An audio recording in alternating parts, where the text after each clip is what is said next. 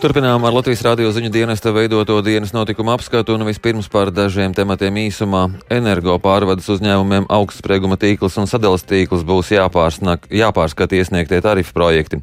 Sāka pieņemt pieteikumus zemu izmaksu īres namu būvniecības projektiem reģionos, to apsveica pašvaldību savienībā pašām pašvaldībām ir interese par darba spēka piesaisti un, un atbalstu jaunām ģimenēm. Eiropas parlaments balsojumā Strasbūrā ir pasludinājis Krieviju par terorismu atbalstošu valsti. Rezolūciju atbalstīja 494 deputāti. Eiropas Savienība pašlaik nevar oficiāli atzīt veselas valstis par terorismu atbalstītājām. Parlaments aicina Eiropas Savienību izstrādāt atbilstošu tiesisko regulējumu. Saimas deputāti apstiprina Saimas komisijas sastāvu, vairumam komisiju arī ievēlēta to vadība. Par šiem un citiem tematiem dienas notikuma apskatā.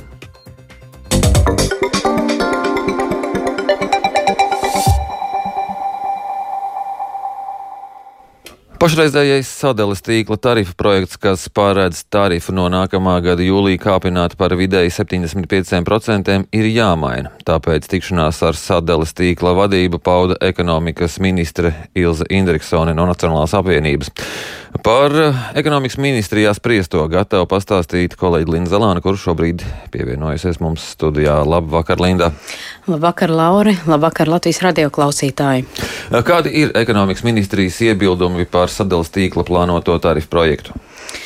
Tas, kas dara miera laikos, nedara tagad, kad miera laiku nav. Tā īsumā sadalās tīkla jauno tarifu projektu vērtē ekonomikas ministre Ilza Indriksona no Nacionālās apvienības, sakot, ka Šis tarifa projekts ir tapis izmantojot metodiku, bija aktuāli, kas bija aktuāli pirms vairākiem gadiem, bet tas nedara šobrīd, laikā, kad ir enerģētiskā krīze.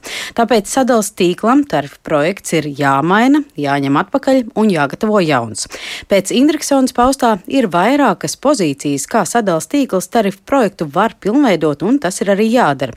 Piemēram, pagarinot tarifa periodu, kas varētu ietekmēt tarifa apmēru, jo lielākā periodā ir lielāka lielāka stabilitāte un mazāka ietekmes svārstībām.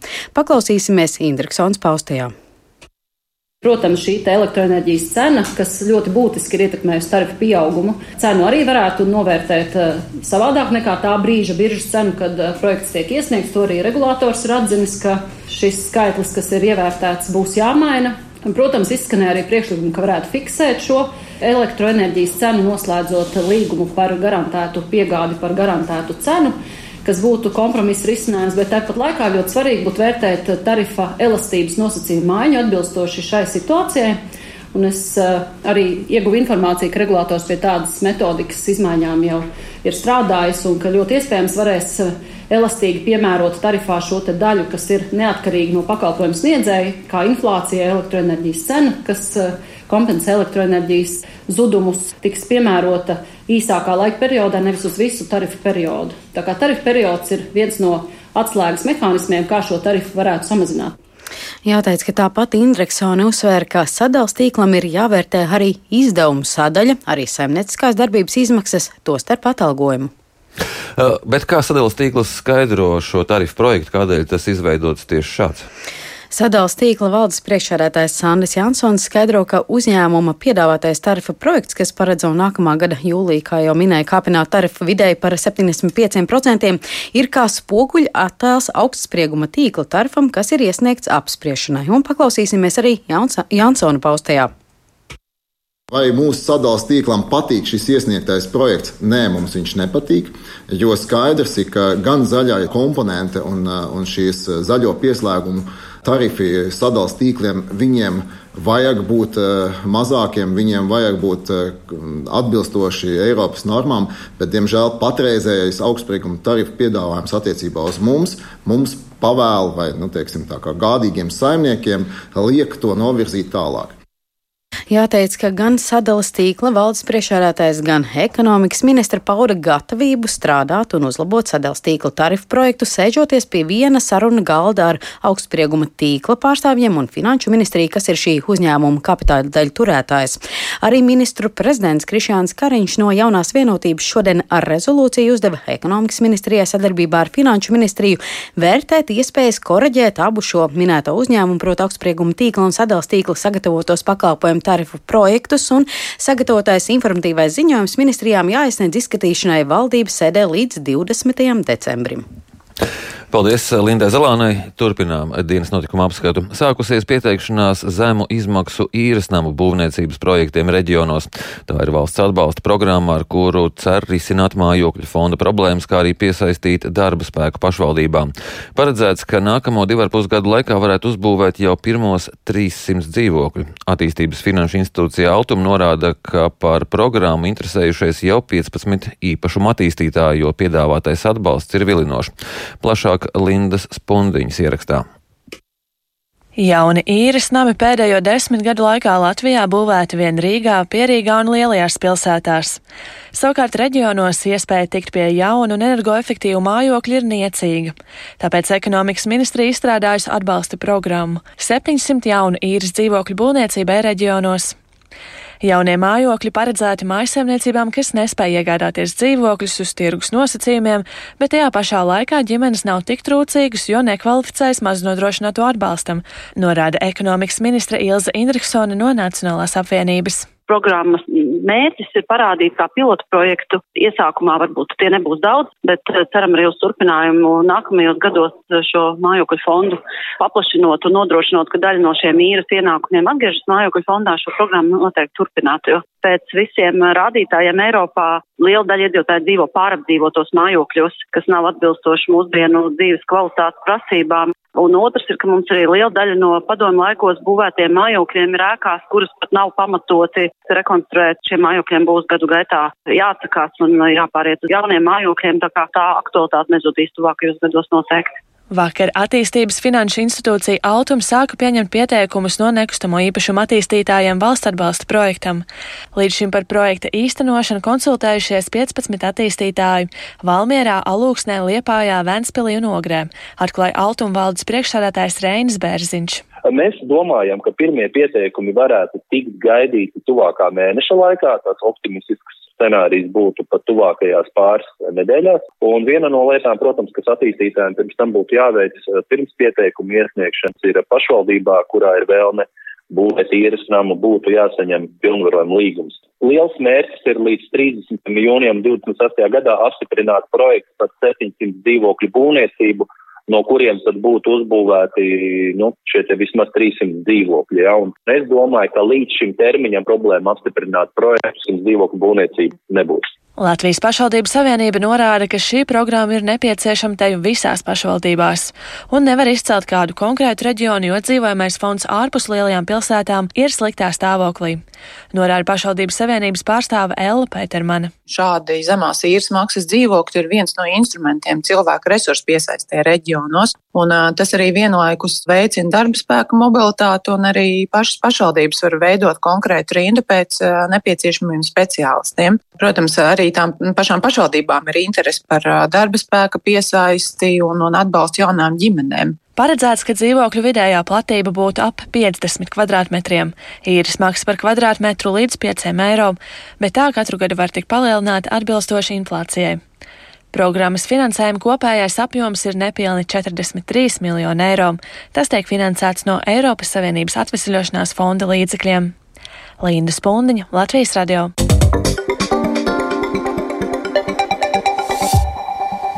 Eiropas parlaments balsojumā Strasbūrā ir pasludinājis Krieviju par terorismu atbalstošu valsti. Eiropas parlaments aicinājis Eiropas Savienību turpināt Krievijas starptautisko izolāciju, kā arī aicinājis dalību valstis Eiropas padomē ātri pabeigt darbu pie devītās sankciju paketes pret Maskavu. Tikmēr Kijeva un vairāki Ukrainas apgabali piedzīvojuši kārtējos Krievijas raķešu triecienus, kā rezultātā traucēta elektrības un ūdens padeve. Plašāk stāsta Rihards Plūme. Eiropas parlamenta deputāti rezolūcijā norādījuši, ka Krievijas spēku pastrādātie tīšie uzbrukumi un zvērības pret civiliedzīvotājiem Ukrainā, civilās infrastruktūras iznīcināšana un citi nopietni cilvēktiesību un starptautisko humanitāro tiesību pārkāpumi ir pielīdzināmi terora aktiem un uzskatāmi par kara noziegumiem. Tādēļ Eiropas parlaments atzinis Krieviju par valsti, kas atbalsta terorismu un valsti, kas izmanto terorisma līdzekļus. Balsojumā rezolūcijā rezolūciju atbalstīja 494 deputāti.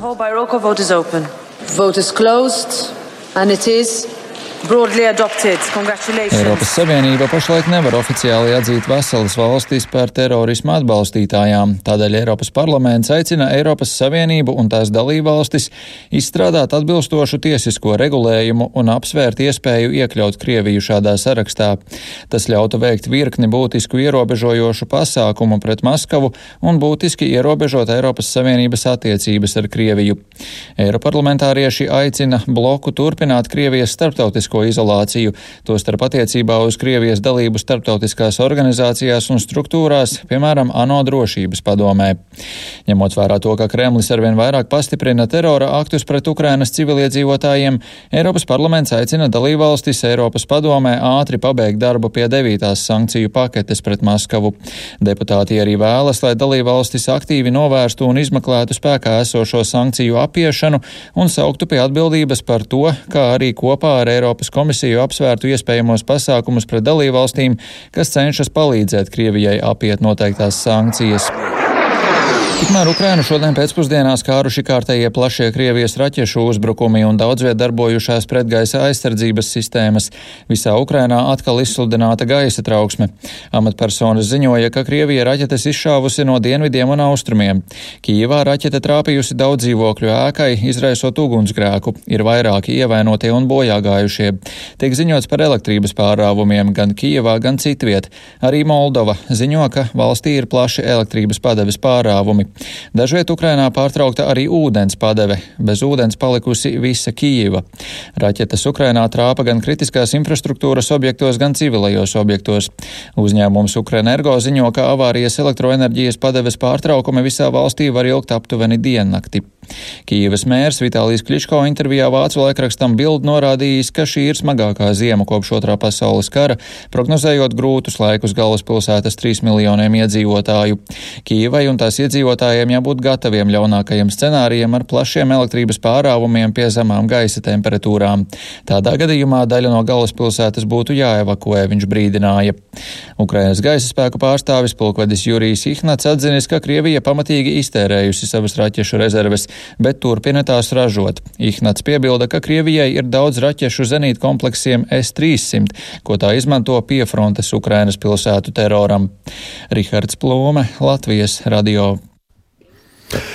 Lielbritānijas augstākā tiesa noraidījusi Skotijas valdības ierosinājumu sarīkot jaunu referendumu par Skotijas neatkarību bez Londonas piekrišanas. Tiesa norādīja, ka tiesības izsludināt referendumu ir apvienotās karalists parlamentam. Iepriekšējais referendums notika 2014. gadā un 55% skotu noraidīja vajadzību pēc neatkarības. Apvienotās karalistes valdība uzskata, ka ar iepriekšējo referendumu jautājums ir atrisināts, tāpēc vēl viens nav nepieciešams. Skotijas pirmā ministra ministre un Skotijas Nacionālās partijas līdere Nikola Stērģena sacīja, ka ciena tiesas spriedumu, taču ir vīlusies. Must be lawful and democratic for independence to be achieved. Ceļam, kuru mēs ejam, lai gūtu neatkarību, ir jābūt likumīgam un demokrātiskam. Ar katru dienu paliek arvien skaidrāks tas, ka neatkarības gūšana nav tikai vēlama, tā ir būtiska, ja Skotija vēlas izbēgt no Brexit katastrofas, no politiskā kaitējuma, ko rada valdības, par kurām mēs nebalsojam, un no lēnas izaugsmes ekonomiskā modeļa, kas mums neļauj attīstīties. Atzīmējot Rumānijas un Latvijas diplomātisko attiecību simtgadi, Latvijā oficiālā vizītē ieradās Rumānijas prezidents Klaus Johannis, kurš tikās ar valsts prezidentu Egilu Levitu. Prezidenti pārunājuši drošības un enerģētikas situāciju Eiropā saistībā ar Krievijas sākto karu Ukrainā, kā arī citus jautājumus. Pēc tikšanās prezidenta apliecināja, ka ir gatavi stiprināt, stiprināt divpusējās attiecības un sadarbību arī starptautiski. Rumānijas prezidents apliecināja, ka Rīgā atvērs Rumānijas vēstniecību. Levits savukārt savukārt uzsvēra, ka abas valstis ir sabiedrotie gan Eiropas Savienībā, gan NATO, gan daudzās citās starptautiskajās organizācijās, un mums ir ļoti līdzīgi vai arī tie paši uzskati par daudziem svarīgiem jautājumiem, tostarp Krievijas karu Ukrainā.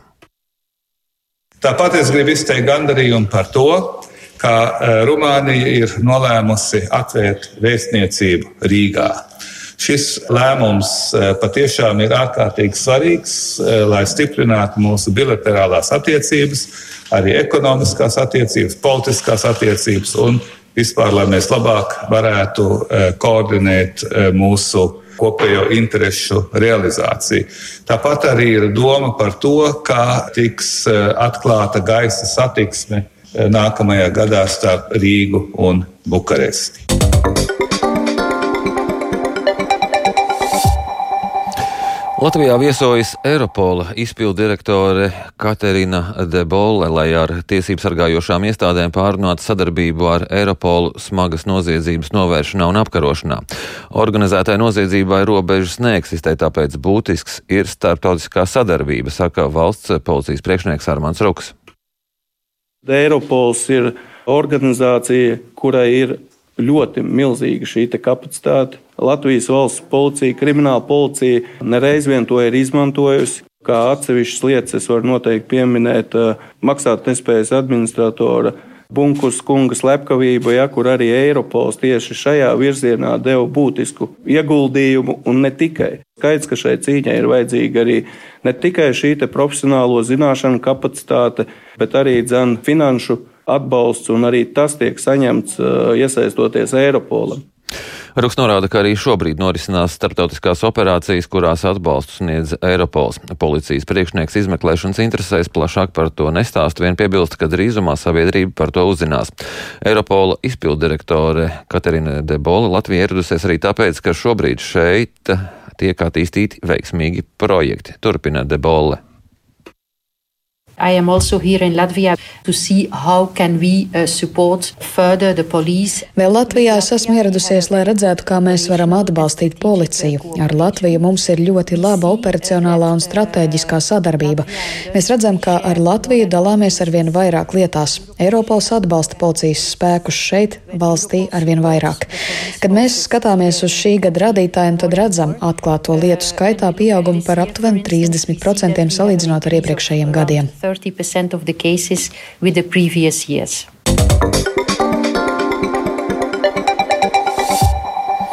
Saimas deputāti apstiprināja 14. saimas sasaukuma komisiju sastāvu. Vairumam komisiju arī ievēlēta to vadība. Šīs procesa atsevišķām komisijām turpināsies arī ceturtdien. Komisijas sastāvā gan vēl būs izmaiņas. Vairākiem saimā ievēlētajiem sākot darbu topošajā valdībā. Vairāk Jāņa Kīņča veidotajā ierakstā. Darba kārtībā mums ir lēmuma projekts par saimnes komisiju sastāvu. Runāt neviens nav pieteicies. Saimnes frakcijas pārstāvis darbam komisijās nosauca pirmdien, un deputāti saimnes komisiju sastāvu šīs dienas sēdē akceptēja bez debatēm. Pēc tam kopš pulksten desmitiem sarkanajā zālē pagūs sasaukt gandrīz visu saimnes komisiju sēdes, ko sākotnēji vadīja saimnes sekretārs Armands Kraus no Zaļo zemnieku savienības. Sākām 14. saimnes pirmo ārlietu komisijas sēdi. Es vēlos informēt, ka saskaņā ar Saimnes kārtības ruļu 151. pantu ārlietu komisija līdz priekšādētāja ievēlēšanai vada Saimnes sekretārs. Balsojumi gan par komisiju vadītājiem, gan par viņu vietniekiem un komisiju sekretāriem ilga vien dažas minūtes. Par ārlietu komisijas priekšsādātāju uz atkārtotu termiņu ievēlēja Nacionālās apvienības deputātu Rihardu Kolu. Budžeta un finanšu nodokļu komisiju vadīs Anda Čakša no jaunās vienotības. Iekavējoties valdības izveidēji, nākamo gadu Latvija sāks ar tehnisko vai pagaida budžetu, bet komisijas darba prioritātes esot skaidras. Komisijai ir līdzīgi kā ministrijai jāpiedalās arī ministriju programmu finansējuma uzraudzībā. Otrs noteikti, kad ir jāskatās, kā mēs varam birokrātijas šķēršļus mazināt uzņēmējiem lai tiešām tā papīra lieta kļūst mazāka. Trešais, es redzu, ka ir jāstrādā pie jauna valsts ieņēmuma dienesta likuma nu, jāpadara par servisu organizāciju vairāk, likumam jākļūst modernākam. Un noteikti jādomā par uh, darba ņēmēju, darbdevēju attiecībām, tātad ar nodokļu likmēm, lai mēs šo uzņēmēju vidi radītu vēl labāku. Čakšas uzskaitītās prioritātes atainojot jaunās vienotības kopīgu redzējumu. To realizēšot arī tad, kad Čakšai iespējams kļūstot par ministri topošajā valdībā, saimas deputāta tā saucamo mīksto mandātu iegūst tagadējais finanšu ministrs Jānis Rērs. Visticamāk, Saimas budžeta komisijas vadību varētu uzticēt tieši viņam. Citu komisiju vadītāji ievēlēt atbilstoši iepriekš panāktajām vienošanām. Tā skaitā cilvēktiesību un sabiedrisko lietu komisiju vadīs Digis Šmits no apvienotā saraksta, juridisko komisiju Andrēs Judins no jaunās vienotības, bet aizsardzības iekšlietu un korupcijas novēršanas komisiju vadīs Raimons Bergmans no apvienotā saraksta. Saimas opozīcijā esošās Zaļo un Zemnieku savienības frakcijas deputāta Daiga Mieriņa vadīs valsts pārvaldes un pašvaldības komisiju, bet Jānis Vucāns Saimnes mandātu ētikas un iesniegumu komisiju, bet progresīvo deputātam Andrim Sprūdam paredzētu uzticēt Eiropas lietu komisijas vadību. Opozīcijas deputātu priekšlikumu vērā ņemšana nedrīkst būt izņēmums. To prasa parlamentārā demokrātija, uzsver Saimnes priekšsēdētājs Edvards Smiltāns no apvienotā saraksta. Es pats esmu bijis gan pozīcijā, gan ārkārtīgi smagā opozīcijā. Es zinu, ko nozīmē zaudēt autorību saviem priekšlikumiem, un arī to, ka tu redz, kā labas idejas vienkārši mirst par darba stilu šajās saimnes komisijās un vispār 14. saimā. Es ceru, ka šīs labās opozīcijas idejas netiks nogalinātas saknē, ka tās idejas, kuras tiešām palīdz Latvijas republikai un mūsu valsts izaugsmē, ka viņas tomēr tiks izmantotas tādā formā, lai mēs gūtu kā valsts lielāko labumu no šī procesa. Vairāku komisiju vadības ievēlēšanu paredzēts turpināt ceturtdien. Par Nacionālās drošības komisijas vadītāju varētu kļūt Ināra Mūrniece no Nacionālās apvienības. Viņas vārds kuloāros gan minēts arī saistībā ar aizsardzības ministrijas vadību. Jānis Kincis, Latvijas radio.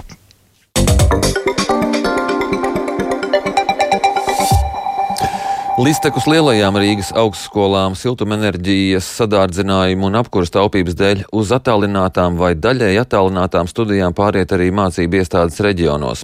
Ir jāizvēlas vai nu no atteikties no atalgojuma sadaļas pasniedzējiem vai apkuras. Citas budžeta sadaļas, kur ekonomēt nav, tā atzīst Daugopils universitātē.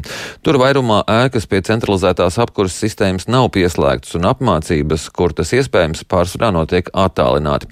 Plašāk Silvijas Smagars Latvijas veidotajā ierakstā. Parādas ielā viens Dāngāpas Universitātes renovētajā mācību korpusā, otrajā stāvā sastopa vairākas jaunietes. Es esmu otrais kurs fizioterapijā. Mums ir izņēmumi, kad ir dažas lekcijas vai nodarbības, kuras ir pārceltas, un tad viņas tur citreiz notiek zūmā, bet pārsvarā viss ir klātienē. Neredzu, kā tas ir iespējams iztenot fizioterapeitiem attālināti mācības. Darbs ir tieši ar pacientiem un ir jāstrādā tieši klātienē. Mūsu korpusu kā reizes silta. Nu, varētu būt siltāk. Pavisam cita aina, plus 13 grādi un pilnīgs klusums valda jaunas būvētajā modernajā Dāngāpas Universitātes mācību korpusā parādas ielā 1A. Cik jums grādi ir? Pirmdien bija 13. Vienīgā, ko sastopas, ir bioloģijas asistente Aleksandra. Attālināti, jo augsti ekonomējam. Jā, daudzās ēkās mums apkura nav pieslēgta centralizētā, ja mēs sildāmies ar sildītāju. Pirms trim gadiem noslēgtais liegums par elektrību ļauj sildīties kabinetos. Situāciju analizē Dāngāpas Universitātes rektoras vietnieks attīstības jautājumos Jānis Kudiņš. Sākām apkuras sezonu no kaut kāda aptuveni 20. oktobra dienas viesnīcā Sporta ielā, un uz to brīdi arī parādās ielā viens vienā stāvā, un tas rēķins bija aptuveni pie 9000 eiro, kas standartā bija par visām mūsu ēkām. Šī situācija ir likusi augstskolai lielākoties pāriet uz apmācībām attālināti. Ja mēs kurināsim šīs ēkas, nu, tad visdrīzākais mums ir jāatsakās no atalgojuma sadaļas. Attālināt. Pilnīgi visi. Jā. Tā līdz ar lielāko daļu audzēkņu attālināti otrā kursa maģistratūrā šobrīd studē vēsturnieks Gvido un īsti nav mierā. Pietrūkst tāds kontakts ar pasniedzējiem un viss tā tālāk, bet nu, apstākļi ir tādi, kādi ir, un mēs vienkārši pielāgojamies. Visbēdīgākajā faktiski ķīlnieka situācijā šajos apstākļos nonāk studenti, kuri studē pilna vai nepilna laika maksas studijās. Tāpēc šobrīd portālā Mana balss LV uzsākta parakstu vākšanas iniciatīva. Tālmācības gadījumā saņemt mācību maksas samazinājumu vēlams 50 80% apmērā un samazināt vai kompensēt studentiem izmaksas par kopmītnēm. Šīs nedēļas sākumā par šo iniciatīvu bija parakstījušies nepilni 2000 iedzīvotāji. Silvijas Magre Latvijas radio studijā Latgalē. Dienas notikuma apskats izskan raidījuma producents Viktors Pupiks, ieraksts montēja Kaspars Grauskaps, pieskaņu pults Toms Šupeiko studijā Lauris Zvejnieks un vēl tikai par svarīgāko īsumā. Energo pārvades uzņēmumiem būs jāpārskata iesniegtie tarifu projekti. Eiropas parlaments balsojumā Strasbūrā ir pasludinājis Krieviju par terorismu atbalstošu valsti. Yeah.